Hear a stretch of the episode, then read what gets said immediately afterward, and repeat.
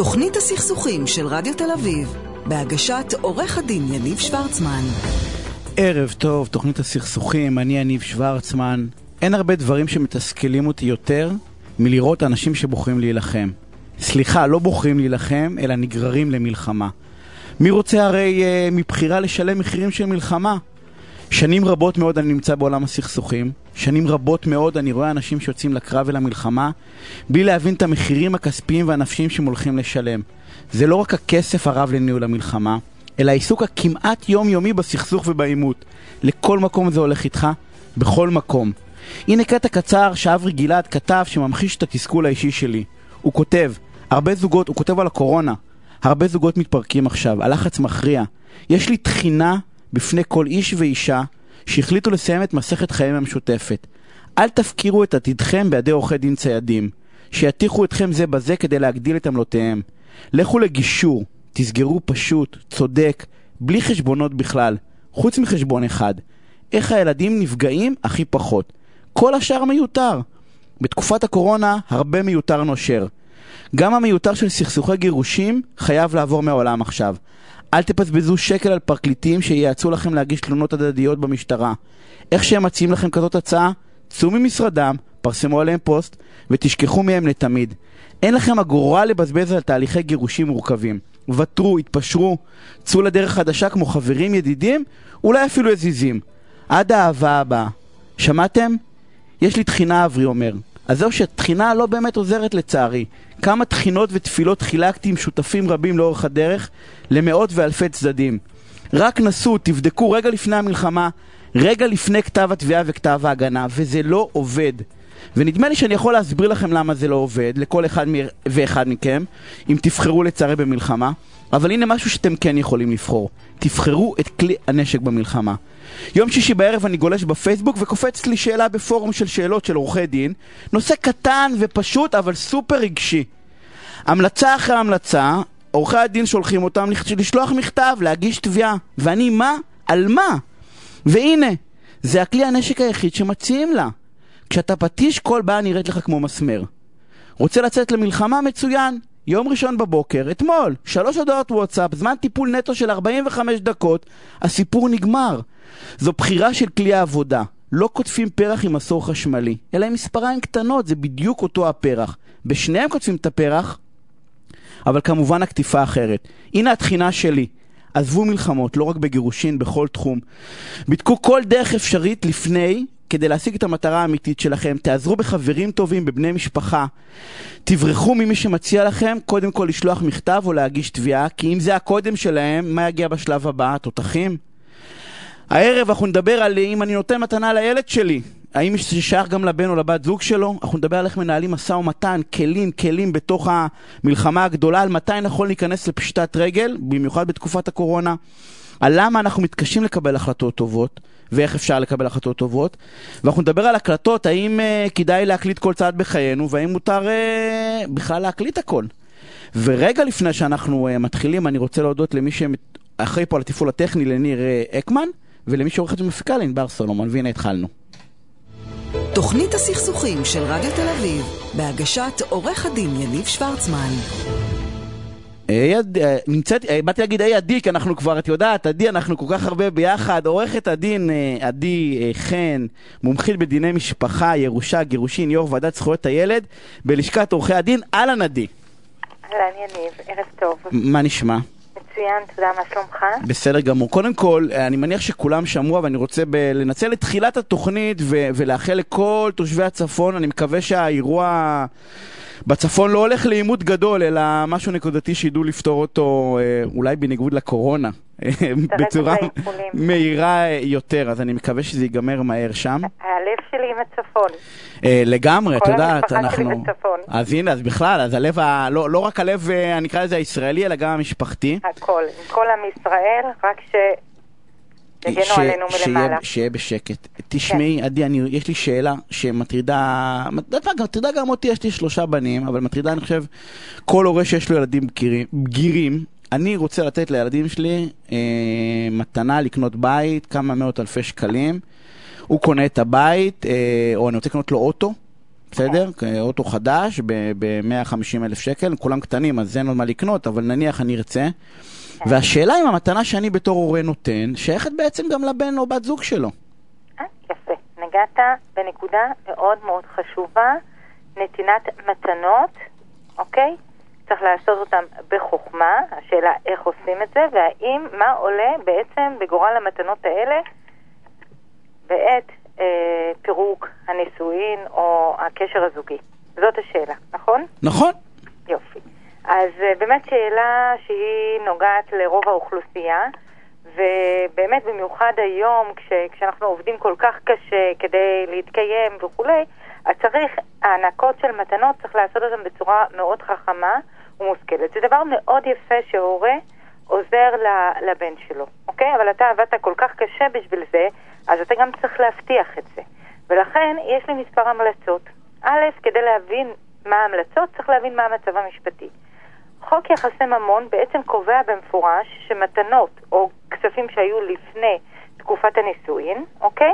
או שהתקבלו בתוך תקופת הנישואין, הם לא חלק מהרכוש המשותף. וכשנפרדים, אז לכאורה לפי החוק, בן הזוג שקיבל את המתנות האלה, מקבל אותם חזרה. אבל החוק אומר משהו, ובפועל בתי המשפט לענייני משפחה מצאו דרך לעשות צדק או לתת איזושהי עזרה לצד השני. כשעיקר הנכסים שהוא במחלוקת הוא דירת המגורים. בתי המשפט לענייני משפחה ראו בדירות מגורים שהתקבלו מהורים של אחד מבני זוג כנכס משפחתי מובהק. אם יש לנו אה, אה, תקופת נישואין ארוכה, כמו 15 שנה, 14 שנה, אה, אם, אם הצדדים הביאו ילדים משותפים וגרו בדירה, אם אחד הצדדים שיפץ את הדירה והשקיע בדירה. אז בתי המשפט מצאו כל מיני קונסטרוקציות להראות שהנה, למרות שהנכס הזה התקבל במתנה על ידי הורים של בן זוג, עדיין הוא צריך לחשב כנכס משפחתי. מצאו לזה עוגן בדיני הנאמנות, בהבטחות, בדינים... יש בזה משהו לא הוגן. אני חושבת שכן. יש בזה משהו לא הוגן, את יודעת, באת, נתת, אז לא, אני יכול, דרך אגב יש נימוקים לצד השני כמובן, אבל אני אומר, אתה בתור הורה נתת, תחזירו, אתם תריבו ביניכם הילדים, מה אכפת לי? נכון, ויש כזה, יש פסק דין של בית משפט עליון מוכר, שהאישה מביאה עדות של חבר משותף, שהוא שמע שהבעל אומר לה, הדירה הזו, למרות שהיא... מלפני הנישואין התקבלה מכספים לא מכספי המשפחה, הוא מבטיח לה אה, חצי מהדירה, והיא, והיא זוכה בתיק. אני לא, אני... הראש שלי קצת הולך אחרת. זה דרך אגב, זה עוד דרך אגב, אם זה נניח כספים שלו, שהביא, אני מבין, אתה יודע, באה ואומרת, כאילו, כי הוא צד לזה, אבל אני הורה, אני האבא והאימא, ואני נותן כמתנה. ואני רוצה לשמור על הקשר הבין-דורי, שימשיך לקבל את ההטבה נכון, נכון, ואני כן. מאוד שמח שגם בת או בן הזוג נהנים מזה. נכון. אבל זה נראה לי אך לגיטימי. לכן, לדעתי, צריך לעשות את זה בצורה מאוד מאוד חכמה. איך אני עושה את זה בפרקטיקה? אני עושה את זה במספר שלבים. א', אני אומרת להורים, תביאו גם את הבן או את הבת ובני הזוג.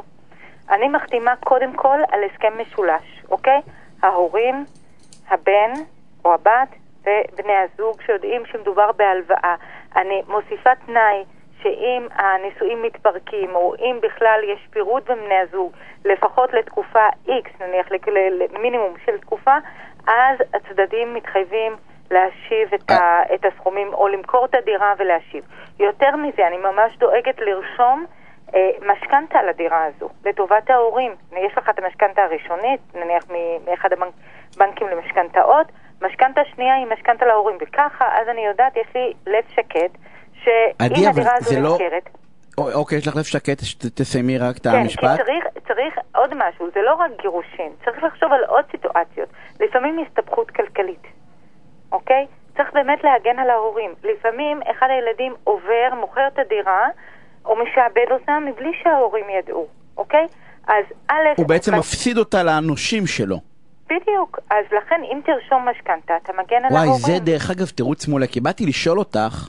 כן. זה לא פוגע קצת ברומנטיקה? יש זוג שמתחתן, וההורים רוצים, את יודעת, לעשות שמח, ופתאום אומרים להורים, תשמעו, אם אתם רוצים לשמור על הכסף שלכם, אתם צריכים ללכת לפגוש את עדי במשרד ולעשות כל מיני הסכמים. זה קצת פה, זה קצת, אה, את יודעת, זה, זה עלול קצת אה, להכיר את האווירה. יניב, אף פעם לא נעים לדבר על כסף. בדרך כלל דיבור על כסף מביא גם לרגשות שליליים, אבל דווקא דברים שמתחילים בצורה מסודרת וברורה, ושהצדדים יודעים מה המצב המשפטי, וכשאתה מחתים את, ה, את אחד הצדדים שהוא יודע שמדובר בנתינה ובהלוואה, ואז הוא יקלקל את הצעדים שלו, הוא ידאג שיהיה לו חיסכון בתקופת הנישואים למקרה ולא תהיה לו דירה או לא תהיה לו קורת גג, ואז יהיה לו כספים כדי, כדי לממש, ד... לממן לעצמו אה, קורה. אבל, אבל, אבל נתת, נתת תירוץ מעולה דרך אגב להורים שרוצים לעשות את זה ולא רוצים להפוך את זה כאילו, לא רוצים, את יודעת, להגיד, את, אנחנו בונים, תגידו שזה כלכלי. תגידו שזה כדי לשמור על הילדים, שאם חס ושלום יש הסתבכות, אז הכל של ההורים והכל בסדר. וצריך לדעת איך לעשות את זה. צריך באמת לעשות את זה בצורה מאוד נעימה, להסביר לצד השני. זה לא משהו שהוא אישי נגדו, גם אם הוא היה... אם הבן היה אה, אה, מתחתן עם כל אחת, אז זה, זה המצב המשפטי, ככה צריך להגן על, ה, על הרכוש המשפחתי. כי, עוד דבר, כן. הייתי שמחה גם לדבר לא רק על עזרה כלכלית לקנות דירה, אלא לפעמים הרבה מקרים מגיעים אליי למשרד, להורים יש דירה, ואז אומרים, אוקיי, אנחנו נקל עליכם, במקום שתלכו ותשלמו דמי שכירות של כמה אלפים טובים, תגורו בדירה הזו, תגורו כמה שנים, אוקיי? אבל גם פה צריך מאוד מאוד להיזהר, צריך שיהיה הסכם. אה, יש בו תנאי של, אה, של דמי שכירות, צריך להראות שדמי השכירות הועברו להורים, אפילו דמי שכירות מעטים, אבל צריך להראות כדי שאם שלא תהיה טענה אחר כך שנתנו להם זכות שזה... מגורים לכל החיים ואת כל מיני טענות שעולות. בדיוק, זה קורה המון. אני, אני, רוצה, אני רוצה להגיד משהו, והזכרנו כן. את זה, ש- שאני יודע שלהורים לא נעים לעשות את זה, ו- כן, ואני חושב שהם נכון. צריכים להתעקש על זה. ו- וגם צריכים, וואלה, ואם הם לא רוצים, אז שלא ייקחו את הכסף, שהזוג הצעיר יעבוד קשה, והכל בסדר, ואין בעיה עם זה שזוג צעיר אומר, תודה רבה, אנחנו רוצים לבנות את עצמנו בעשר אה, אצבעות, ו- ו- ולא לא להכניס רעש כזה נכון. לנישואים, אז לבריאות, הם מעדיפים לגור בבית יותר קטן או בשכירות, זה שלהם לחלוטין. יניב, לצערי, היה לי מקרה כזה לאחרונה, של זוג הורים שהגיעו אליי ורצו לתת סכום נכבד לבן שלהם, כדי שיקנה דירה מפוארת ויפה. ומדובר בזוג צעיר, הבן והכלה, ואז הכלה התקוממה, מה פתאום, מה פתאום מחתימים אותי, נכון. אמרתי להם, תקשיבו, אני עורכת דין שלכם, לא עורכת דין שלה. אני, שלא תיקח. המשפטית שלי, אל תיתנו לא, שלא תיקח, אין בעיה, לא באהבה. הסכם ממון ש, שמפרט מהו הרכוש המשותף, מהו הרכוש שאינו משותף, זה דברים חשובים מאוד, וכמובן גם צוואה למקרה שחס וחלילה הבן הולך לעולמו, אף אחד לא יכול לדעת מה קורה בחיים האלה. עדי, אנחנו חייבים לסיים. אני רוצה להודות לך על הפינה מעניינת הזה, ואני עוד פעם אומר, כל האנשים המבוגרים, כל מי שיש לו ראש שרוצה לתת מתנה, עדיף אה, שעתיים של אי נעימות, מאשר אחרי זה עוגמת נפש איומה, שאין דרך להסביר אותה. בדיוק, תן ליועץ המשפטי שלך לעבוד. לעבוד ולהיות גם האיש הרע בתמונה, בשביל זה אנחנו פה. עדי, תודה רבה, שערב מהמם. אה, אני רוצה להגיד שלום לרואה חשבון אה, שלומי כהן, מפרגן כהן ושות' רואה חשבון. אהלן שלומי, מה העניינים? היי, יניב, מה שלומך? ערב טוב. מה קורה? מצוין. אה, יופי, תשמע, אנחנו הולכים אה, לדבר, לרוץ ישר לנושא. שבוע שעבר התחלנו לצלול. קצת, לצלול נכון. בדיוק, קצת על, על נושא של ניהול משא ומתן ורגש, ואני, תראה, בשבילי ניהול משא ומתן, בכל מקום שמתעסקים בסכסוכים, חושבים שניהול משא ומתן זה כאילו הבסיס של, ה, של איך אתה מנהל אה, בכלל סכסוך. ואני חושב ש, שלא, כי אני חושב שזה אימון על יבש, בסדר? זה קל לנהל משא ומתן תאורטי, אבל חייבים לעשות את זה, בסדר? ולעשות את זה טוב, אי אפשר להכין אומלט לפני שאתה יודע להכין חביתה. ואתה הולך ללמד אותנו להכין חביתה. נכון, חביתה זה טיפה קל מדי בשביל אה, לדבר על משא ומתן. לא, למה? אתה יודע איזה אומנות צריך בשביל חביתה שלא תשרף איתי טעימה? שלומי, איך מנהלים, איך מנהלים משא ומתן נכון? תן, בוא נתחיל בשלבים, נרוץ. מה הדברים הנכונים לפני, באמצע ואחרי? אוקיי, אז כמה טיפים, לא כל המכלול, כי זה עולם ומלואו. התחלנו את זה שבוע שעבר, דיברנו על זה כבר, אבל זה באמת כמה טיפים אה, שלדעתי הם אה, המרכיבים העיקריים בכל התחום הזה. קדימה. אז נתחיל מהטרום של המשא ומתן. רגע לפני שאנחנו מגיעים לשולחן ומתחילים לשבת עם הצד השני, אנחנו צריכים להגדיר לעצמנו, אה, דבר ראשון, את נקודת המינימום ונקודת המקסימום שלנו. בדרך כלל משא ומתן זה על כסף, אבל לא תמיד. כלומר, לפעמים, בוא נגיד אם אנחנו מדברים על ילדים, ודיברת הרבה בתוכנית שלך על אה, משא ומתן בחזקה לילדים, אז לפעמים הנקודת אה, מינימום שלנו זה שהילדים יישארו איתי בבית ויהי מה. ואז זה לא חייב להיות כסף, אבל עדיין נקודת מינימום ונקודת מקסימום, בדרך כלל מדברים על כסף, ככה יותר קל לנו לא, להבין. ד- דרך אגב, שתדע, שאומרים לי שזה על כסף, למשל, אצלי אני אף פעם לא מתווכח על כסף עם בעל מקצוע, אבל אני תמיד מתווכח, מתווכח על פריסות למשל. כי אני כן, בעל מקצוע. נתן, כן, אני, זה, זה, כאילו, זה, לא, זה כאילו כסף אבל לא כסף, כן? אוקיי. זה תנאי. כסף, בסדר? כי אני, למשל, לי, אני בא ואומר בעל מקצוע, כמה שיבקש ככה הוא יקבל, אני מעולם לא מוריד בן אדם בכסף, אבל אני אומר אם הלכתי איתך, אז כי זה, אז אתה לפחות תפרוס את זה כמה שיותר. אז אם אנחנו רגע נוגעים בנושא הזה של מעבר לכסף, אז אנחנו קופצים לסוף המשא ומתן, שם אנחנו מדברים, יש איזשהו חלון הזדמנויות קטן, ששתי הצדדים כבר סגורים על, ה, על הנושא, שניהם רוצים כבר להיכנס לעסקה, ואתה יכול לגנוב את איזה משהו קטן, לא בהכרח כסף, או לא בהכרח משהו אה, גרנדיוזי, וכמו שאמרת, פריסת תשלומים נוחה, לדוגמה, או הארכה קטנה של החוזה. אוקיי? אתה אומר אין בעיה, אבל אני כדי לסגור צריך את ה... את ה- איך אומרים? את ה... לא לא לא אתה, לא אני, באמצע, בוא. נסגור על על זמן או על לא משנה מה. אפשר, אפשר אבל, להגיד אבל ככה. שלומי, לא על משהו מהותי, כי אחרת, אתה יודע, אם מישהו בסוף לגמרי. הוא אומר לי משהו מהותי, אני אומר לו, נכון, הבנתי, נכון. נשמה. לא, לא. בשביל זה אמרתי, משהו קטן, ביס קטן, יאללה. מינימום מקסימום, מה עוד? הלאה. עכשיו, מעבר לזה אתה צריך להגדיר את חשיבות העסקה. לפעמים חשיבות העסקה היא כל כך גדולה עבורך, שאתה אומר לעצמך כמעט בכל הצעה שאתה תקבל אתה חייב לקבל אותה כי אין לך ברירה. ולהפך, אתה, אם אתה בא יותר ממקום שהעסקה הזאת היא פחות חשובה לך, יש לך נגיד אורך אה, עסקי קבוע, ובא אליך ספק שרוצה למכור לך משהו, אז העסקה פחות חשובה לך. אתה מגדיר לעצמך מראש את חשיבות העסקה. לפעמים זה לא אה, תלוי בנו. נכון, ברור, לגמרי. עכשיו, והדבר האחרון, בטרום העסקה, וזה תלוי בגודל העסקה, כי בעסקאות קטנות כמו, לא יודע, נגיד לקנות רכב קטן בסכום אה, זניח יחסית, אז אתה לא תעשה את זה, אבל אה, לעשות איזושהי עבודת מחקר על הצד השני. אה, לאו דווקא מהמקום השלילי, אלא ממקום חיובי שלך.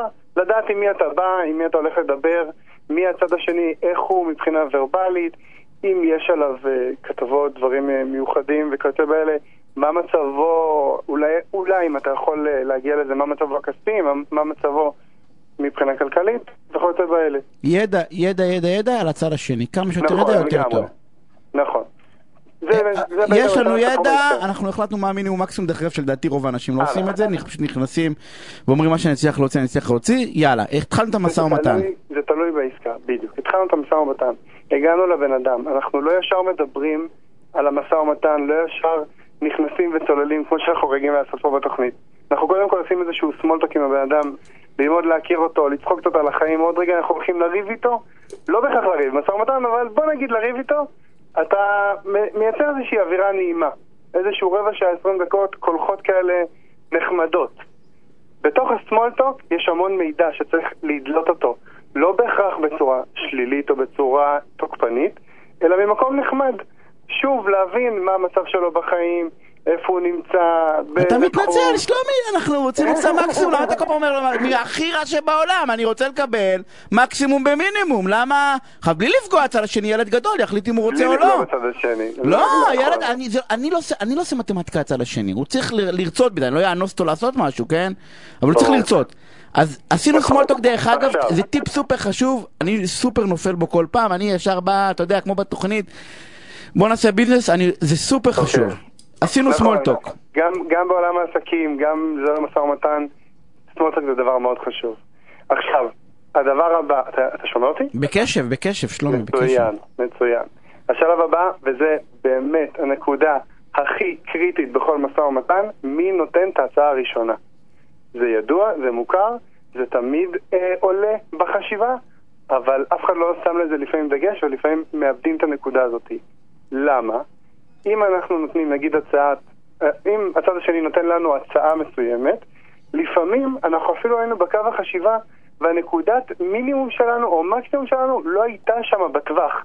כלומר, אני הגדרתי לעצמי שהעסקה תהיה ב-100 אלף שקל, והוא מוכן לשלם עליה 2 מיליון. הלו, שתי מיליון? כן, כן. אבל, אבל, אה, לא, יהיה פער, יהיה פער. לא, אני אומר, יהיה פער, יהיה פער, אה, אה, בשביל זה אני נותן, בשביל זה אני מדבר, בוא נגיד, אני לא זה שבא לקנות, אלא בא למכור. והצד השני נותן איזושהי הצעה שאני אפילו לא חשבתי עליה, כי הנקודת מקסימום שלי יש, בכלל לא יש, שם. תקשיב, יש לנו עוד דקה, אני בא ואומר, זה סופר חשוב, אני. חייב, לא, שנייה, רגע, אני אגיד לך, כן, לא, מה נעשה. הזמן, אני יודע, אני יודע, אוקיי. אתה הראת לי את הרשימה, תעשה על זה מאמר, נעלה אותו, שאנשים יבואו לקרוא אצלנו בפייסבוק את הדבר הזה. צודק, צודק. אני, אני רוצה רגע להגיד לך משהו, על, אה, שלומי, על הדבר הזה, כי יש לנו ממש עוד אה, אה, דקה. אה, אה, זה tricky קצת, מי נותן את ההצעה. אני אומר זה tricky, מי נותן את ההצעה הראשון, בסדר? כי לפעמים, אתה יודע, אתה, יש את ה... אתה את העוגן, כן? אני עיגנתי אותך למספר, ואחר כך הוא סביבו. אמרתי נכון. אלף, אתה לא תיתן פתאום 200 אלף, אתה תגיד לי לא מתאים ותלך הביתה. נכון. אז, אז אני אומר, זה, זה tricky קצת מיציאה האחרון. עדיין תן תמיד עדיף שהצד השני ייתן את ההצעה טיפ. אחרון, טיפ אחרון, חייב לצאת לפרסומות. טיפ אחרון, אוקיי, אמ, דבר נוסף שאפשר אה, להתייחס אליו והוא נורא חשוב, זה לא לעשות משהו בצורה אימפולסיבית.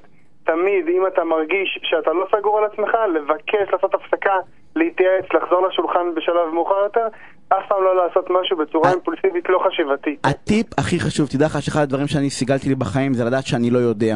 כלום. ואני כל... לא יודע כלום, בגלל שיש בעלי מקצוע, הולך לישון על זה. שלומי, אנחנו חייבים לסיים, אני רוצה להודות לך על הפינה הזאת, ושאנחנו יוצאים רבה. לפרסומות, ואנחנו כבר חוזרים. תוכנית הסכסוכים של רדיו תל אביב, בהגשת עורך הדין יניב שוורצמן. וחזרנו. אה, נמצאת איתי עורכת הדין בטי הררי, מתמחה בפשיטות רגל והסדרי אנושים. אהלן בטי. שלום יניב, מה שלומך? נהדר, מה קורה? נהדר, אנחנו הולכים לדבר על פינה קשוחה, אז אני כן, רוצה להתחיל איתה. כן, לא, פינה קשוחה אבל הכרחית, אני כאילו כעסתי על עצמי שלא טיפלתי בזה עוד. תשמעי, אנחנו נמצאים בתקופה כלכלית מאוד מאוד קשה, בעיקר לעצמאים, אבל גם לשכירים שאיבדו את מקום העבודה, את יודעת, הם מנסים למצוא כל מיני אנשים נכנסים לחובות, גם קיבלתי, בתור שכיר הייתי, קיבלתי משכורת, פתאום קיזזו לי אותו, שפיטרו אותי, ואין. ו, ומי שלא היה במקום שהוא חייב כסף לאנשים, אז, אז זו חוויה נוראית, ואנשים לא מבינים את זה. ברמה הרגשית, אתה לא, אתה לא רוצה להיות חייב לאף אחד, אני לא מדבר על מי שנוכל. רוב האנשים הנורמטיביים שהסתבכו, לא, לא, זה מקום לא נעים להיות בו. אנחנו לא רוצים... עכשיו- מה את אומרת? אנחנו עכשיו, אנחנו עכשיו נדבר רק על האנשים הנורמטיביים ולא על הנוכלים, אה, כן, כן. כי לנוכלים אין מקום בפשיטת רגל. אה, לאחד... קודם כל חייבים להגיד את זה. דרך אגב, חד משמעית לנו- לנוכלים אין מקום בפשיטת רגל, אה, אבל אה, אנחנו נדבר על האנשים הנורמטיביים, באמת על עצמאים. אני- בעיקר עצמאים, ותשמעי, אני יש לי שאלת מיליון דולר. בבקשה. מת... קודם כל, אנשים לא יודעים מה זה פשיטת רגל, אז תגידי בשני משפטים, אבל מתי נכון בעינייך, אני נניח חייב כסף, יש לי עסק, ואת יודעת, התגלגלתי, התגלגלתי, חייב 300-400 אלף שקל, ואני לא יכול, אני לא רואה את זה, אה, לא, לא רואה איך אני מחזיר. מתי הזמן הנכון, אם יש כזה, ללכת אלייך ולהגיד לך, בטי, אני רוצה להיכנס לפשיטת רגל, ומתי אולי כדאי בכל זאת לנסות עוד להציל את, לא יודע מה, להגיע לאיזשהו הסדר תשלומים ולנסות להגיע להבנות. בסדר. אז קודם כל, השאלה, התשובה לשאלה הזאת היא, מאוד פשוטה. מגיע רגע שבו אנשים חייבים כסף, מתחילים למעשה לאבד שליטה על החובות שלהם ועל יכולת ההחזר שלהם. בהתחלה אנחנו מתחילים עם חוב אחד קטן, אולי אפילו קצת יותר גדול, מול נגיד נושה שקוראים לו בנק, ואז אנחנו מגיעים לבנק, והבנק מציע לנו אפשרות אה, לפרוס ולקחת הלוואה לחמש, שש, שבע שנים, ואז כל חודש אנחנו צריכים להחזיר נגיד שלושת אלפים שקל, ואנחנו בטוחים שאנחנו נעמוד בזה.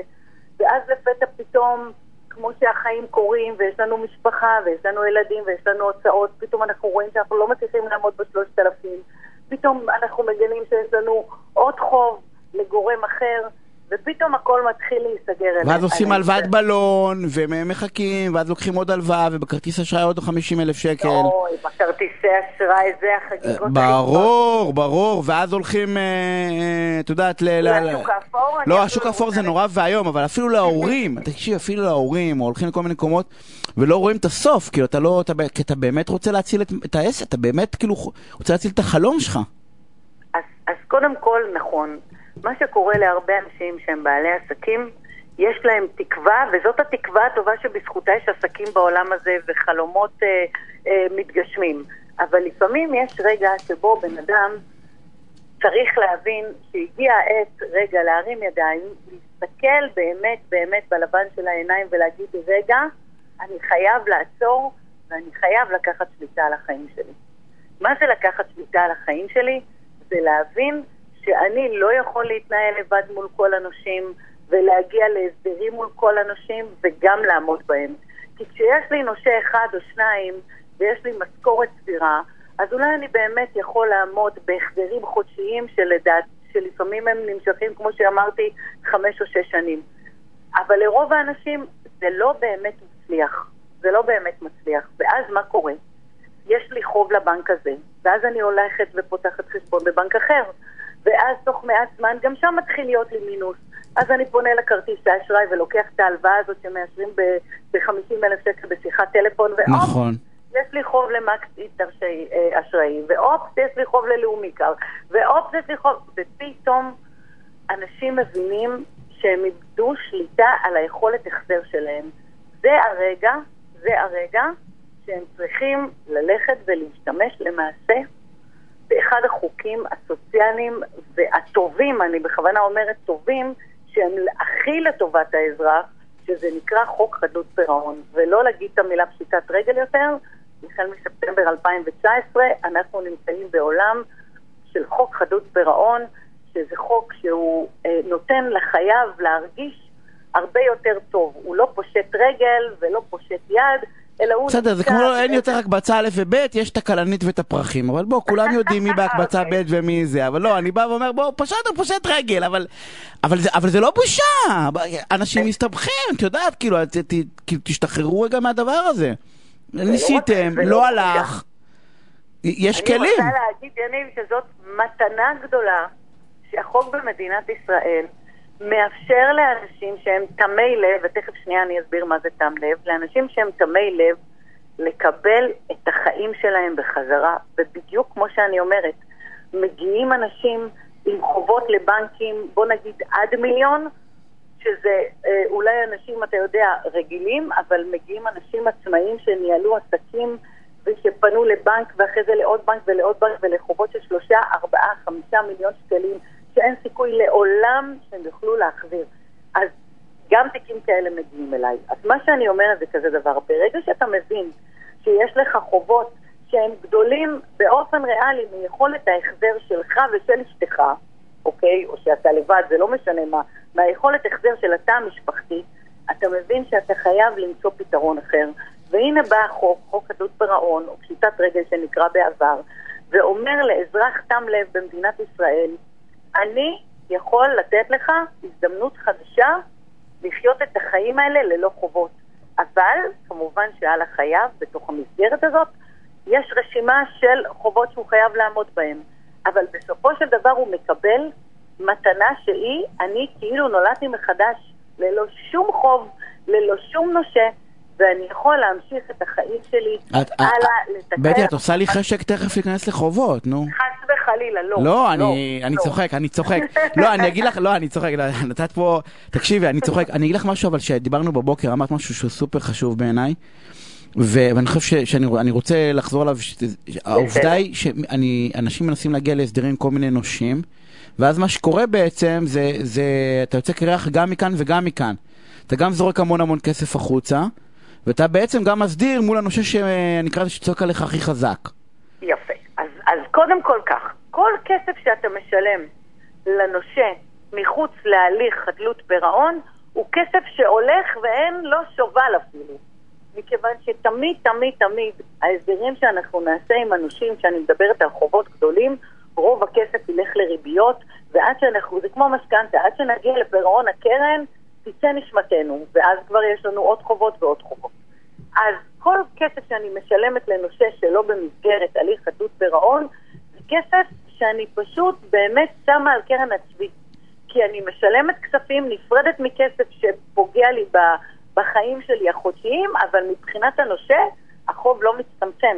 הוא באמת לא מצטמצם. אבל כשאנחנו נמצאים בתוך ההליך, כל שקל שאנחנו משלמים בתוך ההליך נשמר בתוך קופה אצל הכונס הרשמי, ורק בסוף ההליך, אחרי שלוש, ארבע, חמש שנים, הוא מחולק באופן יחסי לנשים. אבל מה הדבר הכי חשוב, יניב, שאני חייבת להגיד? משפט אחרון? לא. כן, למה? אין מה, נגמר הזמן. כן, אמרתי לך, שאנשים- טעימות, טעימות, שיפנו אליך וישאלו עוד אנשים- שאלות. אוקיי, אני אשמח לענות. אנשים בפשיטת רגל זוכים לתקווה ולשקט יחסי שיכול לאפשר להם לחזור ולחיות ולחזור ולהיות הכי בעלי חשוב עסקים. בעיניי זה זה אל הכי תתביישו להיות בחוב, ב- אל תתביישו במצב שלכם, לא תושיטו יד לקבל עזרה, לא תקבלו עזרה ותסתבכו עוד יותר וחבל. בית אני רוצה להודות לך שערב מהמם, זה נושא ענק, אה, פעם ראשונה שעסקנו בו.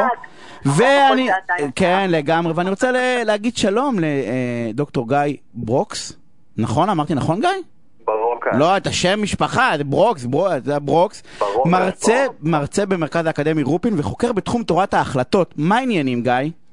בסדר גמור, מה שלומך? יופי, האמת היא שהרבה זמן חשבתי להביא אותך לתוכנית, אין לנו המון זמן, אבל אנחנו הולכים לדבר על נושא שבעיניי... תשמע, אני בתחילת התוכנית התחננתי, ככל שאני יכול להתחנן, כי אני לא מהמתחננים, לאנשים אה, שנמצאים בעימות לקבל החלטה נכונה. ולא לרוץ למלחמה, כאילו, מעורכי דין ו- ועניינים.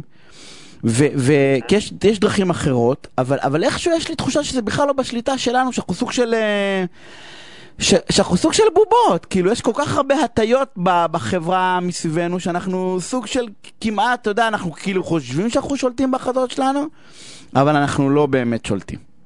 אני צודק? אה, אני לא יודע אם הייתי מגדיר את זה ככה, אבל אני מבין למה אתה מתכוון. אני אני חושב שאתה מתכוון לזה שהרבה פעמים אנחנו מקבלים החלטה אינסטינקטיבית שהיא לא נובעת משיקולים של רגע לעצור ולחשוב ולהבין מה באמת אה, נכון בשבילנו.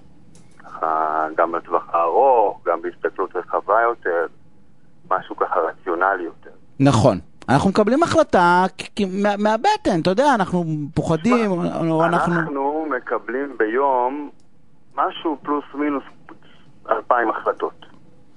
רובם החלטות קטנות ופשוטות שאנחנו מקבלים אותן אינסטינקטיבית, וככה אנחנו אמורים לעשות, כי אם אנחנו נקבל את כל ההחלטות האלה עם הרבה מחשבה, אנחנו לא נתקדם לשום מקום, אנחנו רק כל היום נחשוב ונהיה עסוקים בהחלטות הקטנות האלה. הבעיה שצריך להבדיל בינם לבין ההחלטות הגדולות, שמחייבות באמת אה, הסתכלות קצת יותר אה, מעמיקה ולא ישר לרוץ עם הרגש.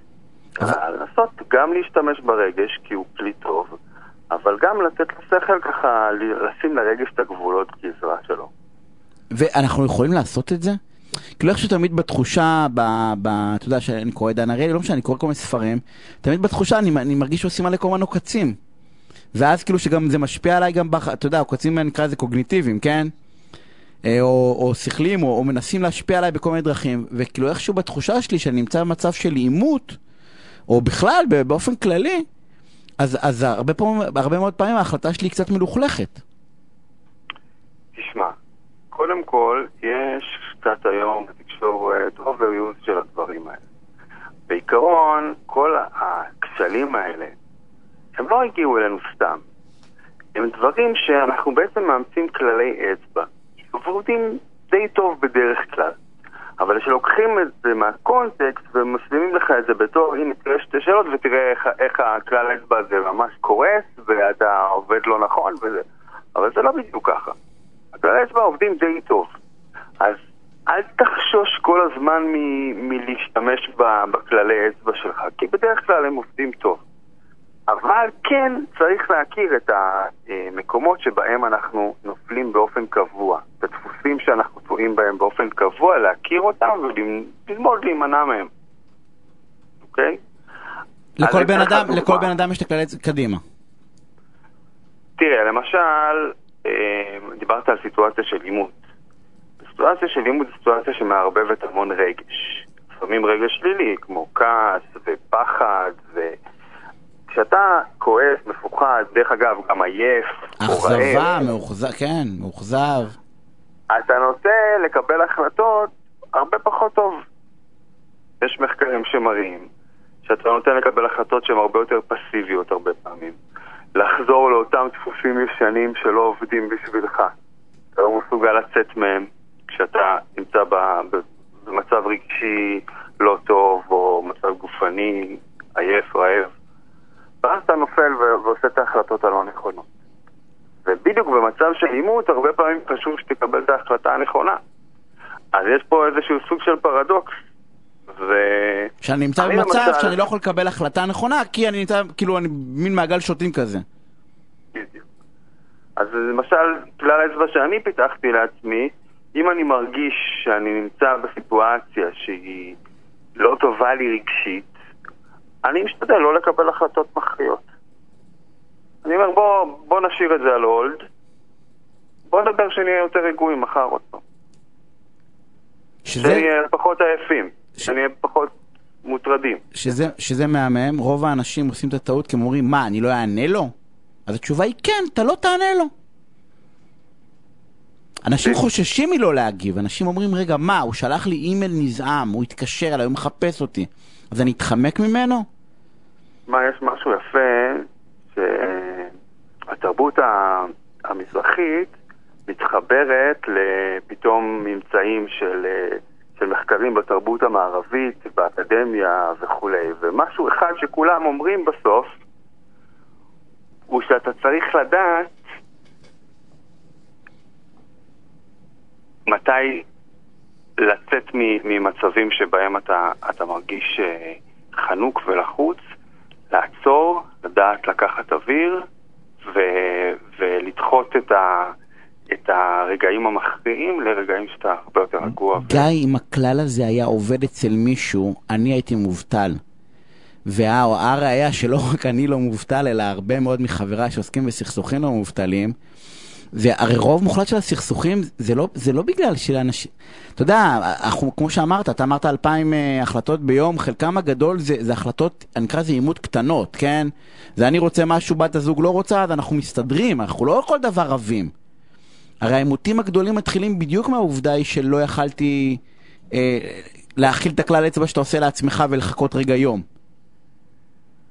אז, אז זה סוגר בדיוק את מה שרציתי להגיד על הערבוב בין התרבויות, שכשאתה אה, מגיע למצב שאתה מבין שאתה לא יכול תמיד לעבוד אינסטקטיבית, ואתה צריך להסתכל לעצמך כמה כללי אצבע שהם יהיו נגד האינטואיציה שלך, אבל הם עובדים טוב יותר.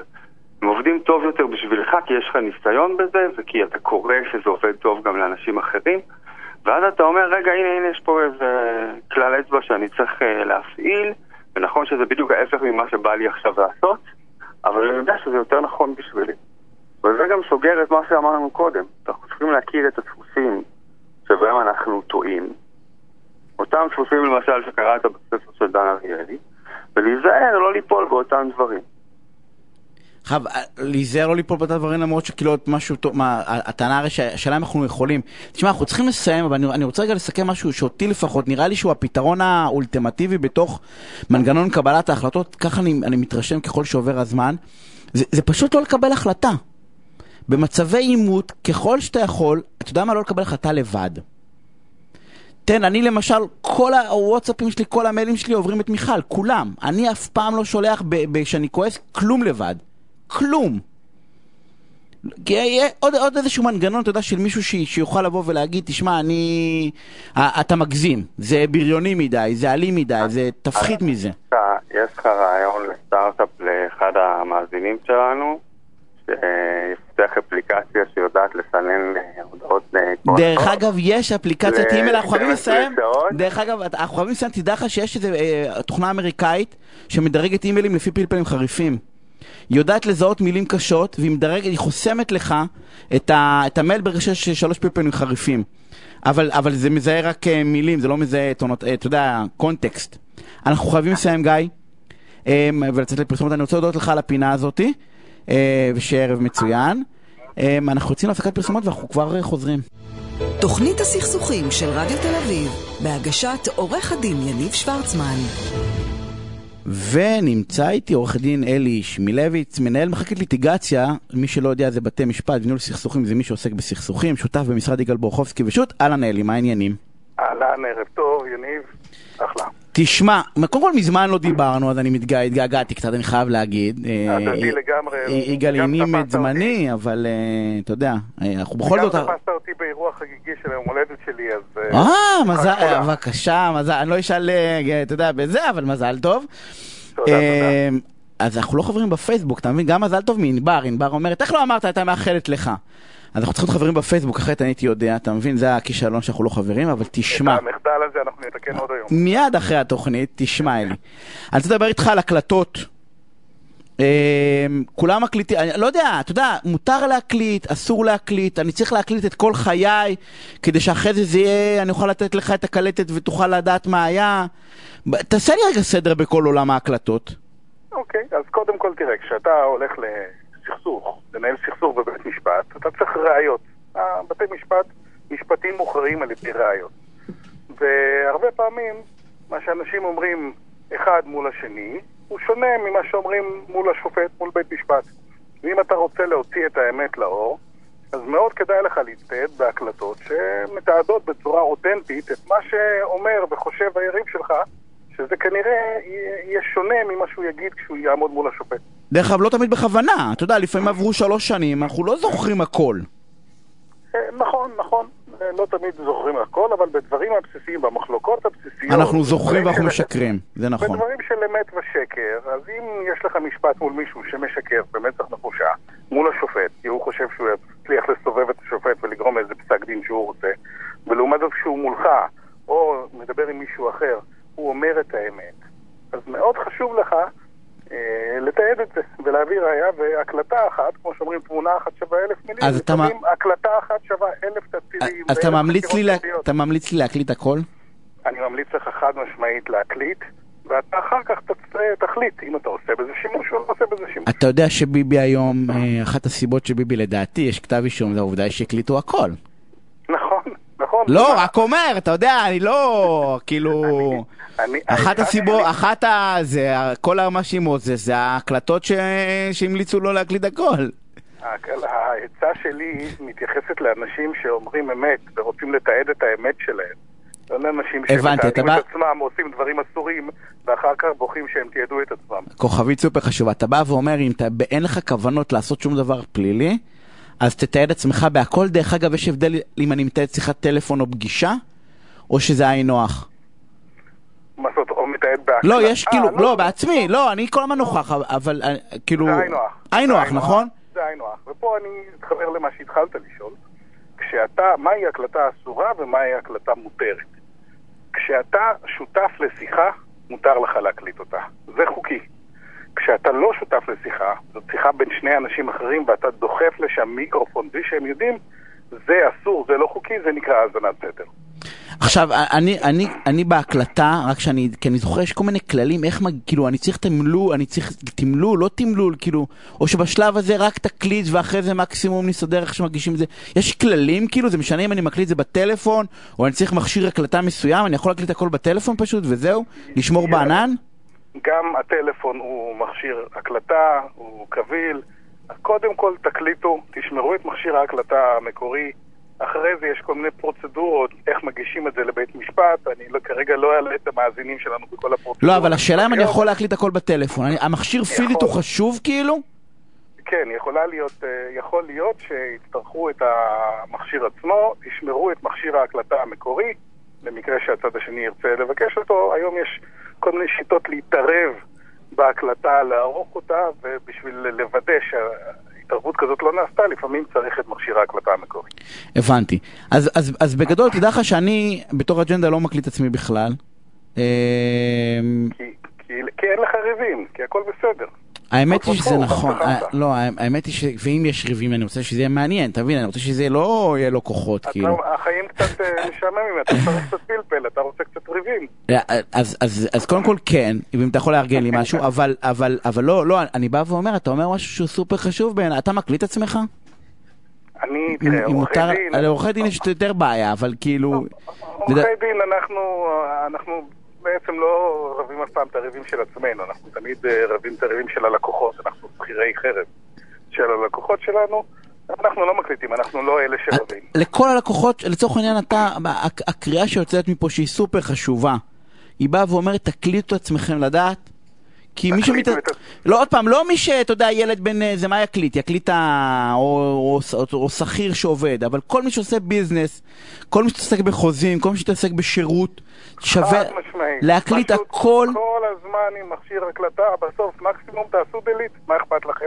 אבל אם, אם יקרה משהו, אם מישהו יבוא וינסה לעוות דברים שנאמרו, או להעליל עליכם משהו, אז, אז יש לכם בסוף, אה, בסוף יש לכם את התיעוד. זאת ההגנה האולטימטיבית. אני דרך אגב, אתה יודע, זה משהו שאני צריך לשקול, אתה יודע אחד הדברים שאני מנסה לפתור את זה לפחות עם עצמנו? זה כל דבר סיכום ישיבה.